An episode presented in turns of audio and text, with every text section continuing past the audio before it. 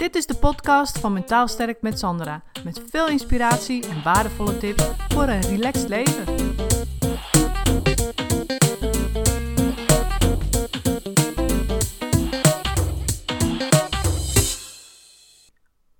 Ik weet niet of je dit herkent, maar ehm, ik heb wat betreft mezelf heb ik een aantal blinde vlekken. En uh, misschien heb je dat ook wel als je vaak advies geeft aan anderen.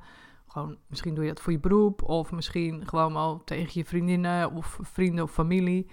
En weet je het eigenlijk heel goed te adviseren, zeg maar, voor de ander. Maar voor jezelf zie je het niet. Nou, dat, ik heb ook zoiets meegemaakt. Het was echt heel, heel grappig. Het was echt gewoon een enorme blinde vlek die, die ik had. En dat was toen ik uh, vorig jaar, mei, toen uh, besloten we dus een hondje te nemen. En nou ja, we besloten dat al eerder, maar toen was er een nestje enzovoort. En toen konden we het hondje gaan halen. En toen heb ik een, uh, een hondentrainer gebeld, want ik wilde natuurlijk op puppycursus met onze hond. En het was heel grappig, want ik, um, ja, wij hebben, ook, wij hebben ook een kat. En die kat is al wat ouder. En ik maakte me natuurlijk druk over of dat wel goed zou gaan tussen die hond en die kat. Dus ik dacht, weet je wat, ik bel vast die hondentrainer natuurlijk ook over die puppycursus. Maar ik bel daar gewoon vast eens eventjes over om daar ja, gewoon eens even advies over te vragen. Want ik merkte ook wel gewoon dat ik daar gewoon ja, mezelf veel te druk over maakte. Dus ja, wat doe je dan? Hulpvragen uiteraard. Dus ik bellen en um, die man, die, uh, die hondentrainer, die, uh, die, die, ik heb echt geloof ik drie kwartier met hem aan de telefoon gezeten. Die nam daar zo ontzettend de tijd voor. En het was zo grappig dat hij, um, want ik vertelde hem natuurlijk, ik zeg, nou, dit is de situatie, we hebben een puppy en uh, ja, die kat is oud en wat ik van de vorige eigenaar weet, is dat die kat heeft ooit maar eens één keer een andere hond gezien en toen rende die weg. En um, ja, verder weten we het eigenlijk niet. Hij, heeft, ja, hij had ook een keer een hond uh, aangevallen. Dus het waren twee verschillende situaties geweest. En ja, ja dat, dat, dat is wat ik ervan weet, zei ik, over hoe die, hoe die kat dan op honden reageert. En um, ja, ik, ik weet niet, wat kan ik nou het beste doen, weet je, als die hond. Als we, die, als we, dat puppy, als we die puppy krijgen.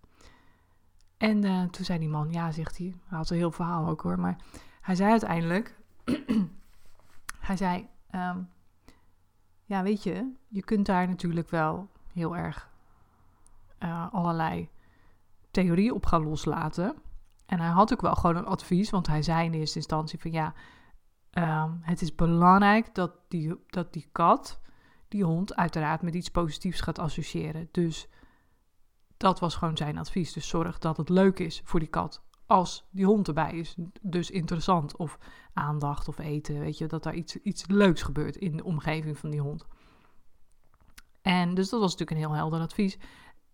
Maar hij zei ook van ja, weet je, aan de andere kant, um, zoals ik werk, zei hij, uh, ik werk ook ervaringsgericht. Want ja, het zijn dieren.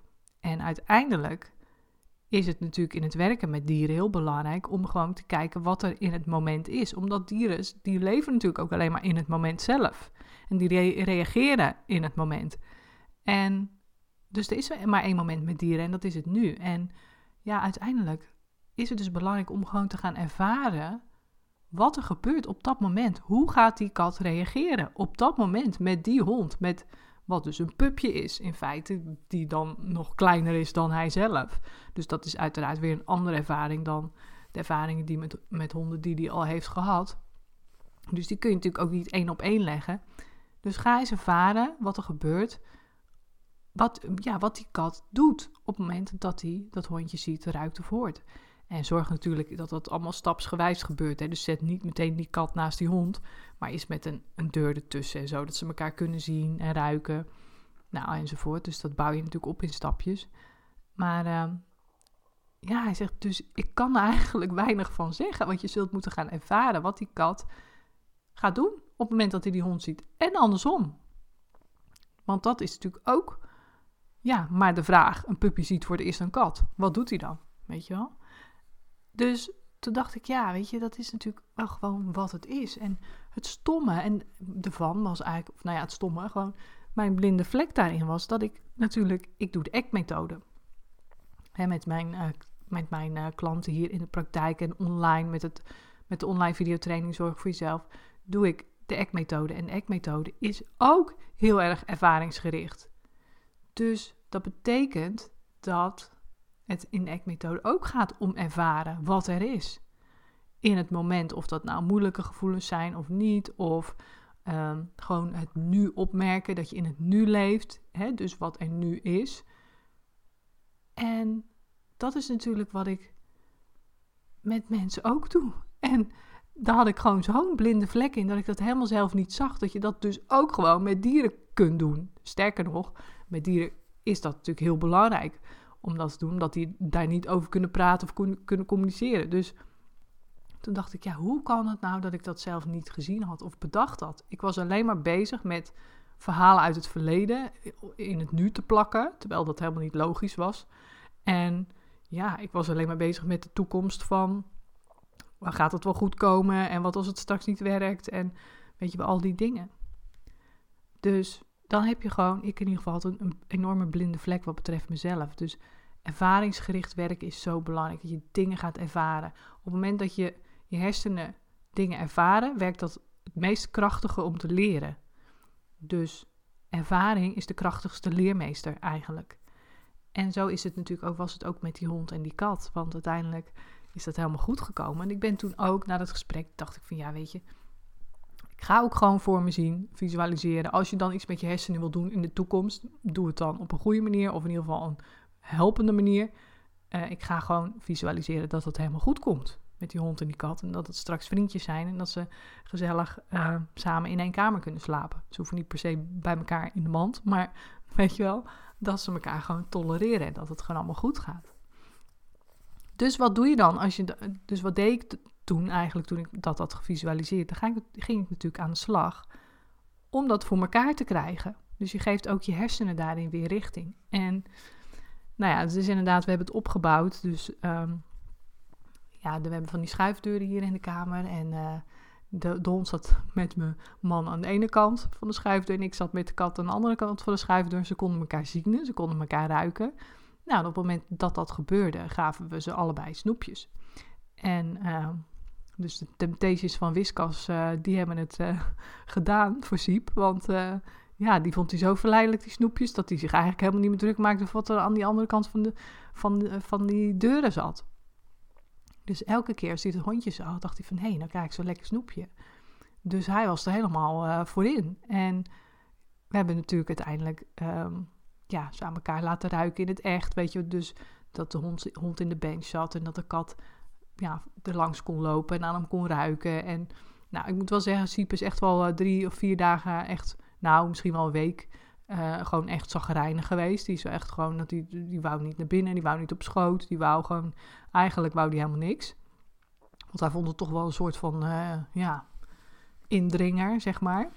Maar toen, we dus, toen hij dus in de gaten had van, hé, hey, ik krijg snoepjes en het is eigenlijk best gezellig in de buurt van het hondje. Ja, toen vond hij het eigenlijk ook geen probleem.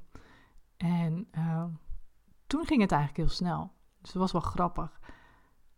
En ja, dus dat is ook gewoon um, wat ik zeg. Weet je, misschien geef jij ook advies aan anderen.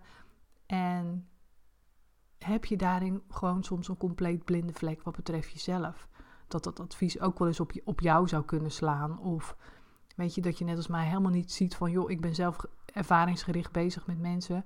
Zou ik dat ook niet eens bij die, die hond of die kat kunnen gaan toepassen? Nou, totaal niet aan gedacht. Echt gewoon bizar. Ik zag het echt... Dus ik zei ook tegen die trainer, ik zei, joh, ik zeg, dit doe ik zelf ook met mensen. Oh ja, zegt hij. Oh, wat interessant. Nou, terwijl hij natuurlijk van alles weet hoe ik dat dan deed. Toen dacht ik echt, nou, bizar. Dit heb ik gewoon niet gezien. Dus uh, dat is heel grappig. Dus ja, misschien heb jij ook zo'n blinde vlek. En dan is het gewoon ook handig dat je iemand hebt die je helpt, weet je wel, die jou helpt om jouw blinde vlekken te zien. Want als je ze zelf kon zien, waren ze natuurlijk niet blind. Was je er niet blind voor. Dus weet je, het is zo belangrijk om jezelf te laten coachen of hulp te vragen als je vastloopt, om die blinde vlekken zichtbaar te krijgen. En het kan ook al heel erg helpen als je zegt: Oké, ehm, weet je, als je dingen online en zo leest, kun je ook, dat kan ook verheldering geven. Dus bijvoorbeeld mijn webinar of mijn Eye Opener Challenge, dat hoor ik ook heel veel van mensen. Dat is echt wel, daarom heet hij ook Eye Opener, weet je wel. Het geeft echt heel veel eye openers. En ja, misschien ook wel legt het ook wel je blinde vlekken bloot. Dus als je daarmee aan de slag wil, zou ik zeggen: check mijn Eye Opener Challenge of mijn webinar. Want ehm, daar kun je ook heel veel uithalen voor jezelf. En misschien zijn daarmee die blinde vlekken voor jou wat beter zichtbaar. En zo niet, zoek dan hulp. Want dat is ook gewoon oké. Oké, ik hoop dat ik je daar weer mee geïnspireerd heb. En ehm, ik wens je een hele fijne dag. En tot de volgende podcast. Doei doei! Bedankt voor het luisteren. Het is mijn intentie om met deze podcast waardevolle inzichten te delen die je kunt gebruiken voor je eigen leven en die je helpen groeien in je persoonlijke ontwikkeling. Wil je voortaan alle verhalen bij elkaar hebben staan? Abonneer je dan even op Mentaal Sterk met Sandra op iTunes of Stitcher. En ben je enthousiast over mijn verhaal? Dan zou ik het superleuk vinden als je een review achterlaat. Dat kun je doen in iTunes of Stitcher en geef je bij beoordelingen en recensies een korte review. En ben je echt enthousiast? Geef dan 5 sterren. Dat zorgt ervoor dat ik hoger in de ranking kom te staan en nog meer vrouwen kan inspireren tot een relaxter leven.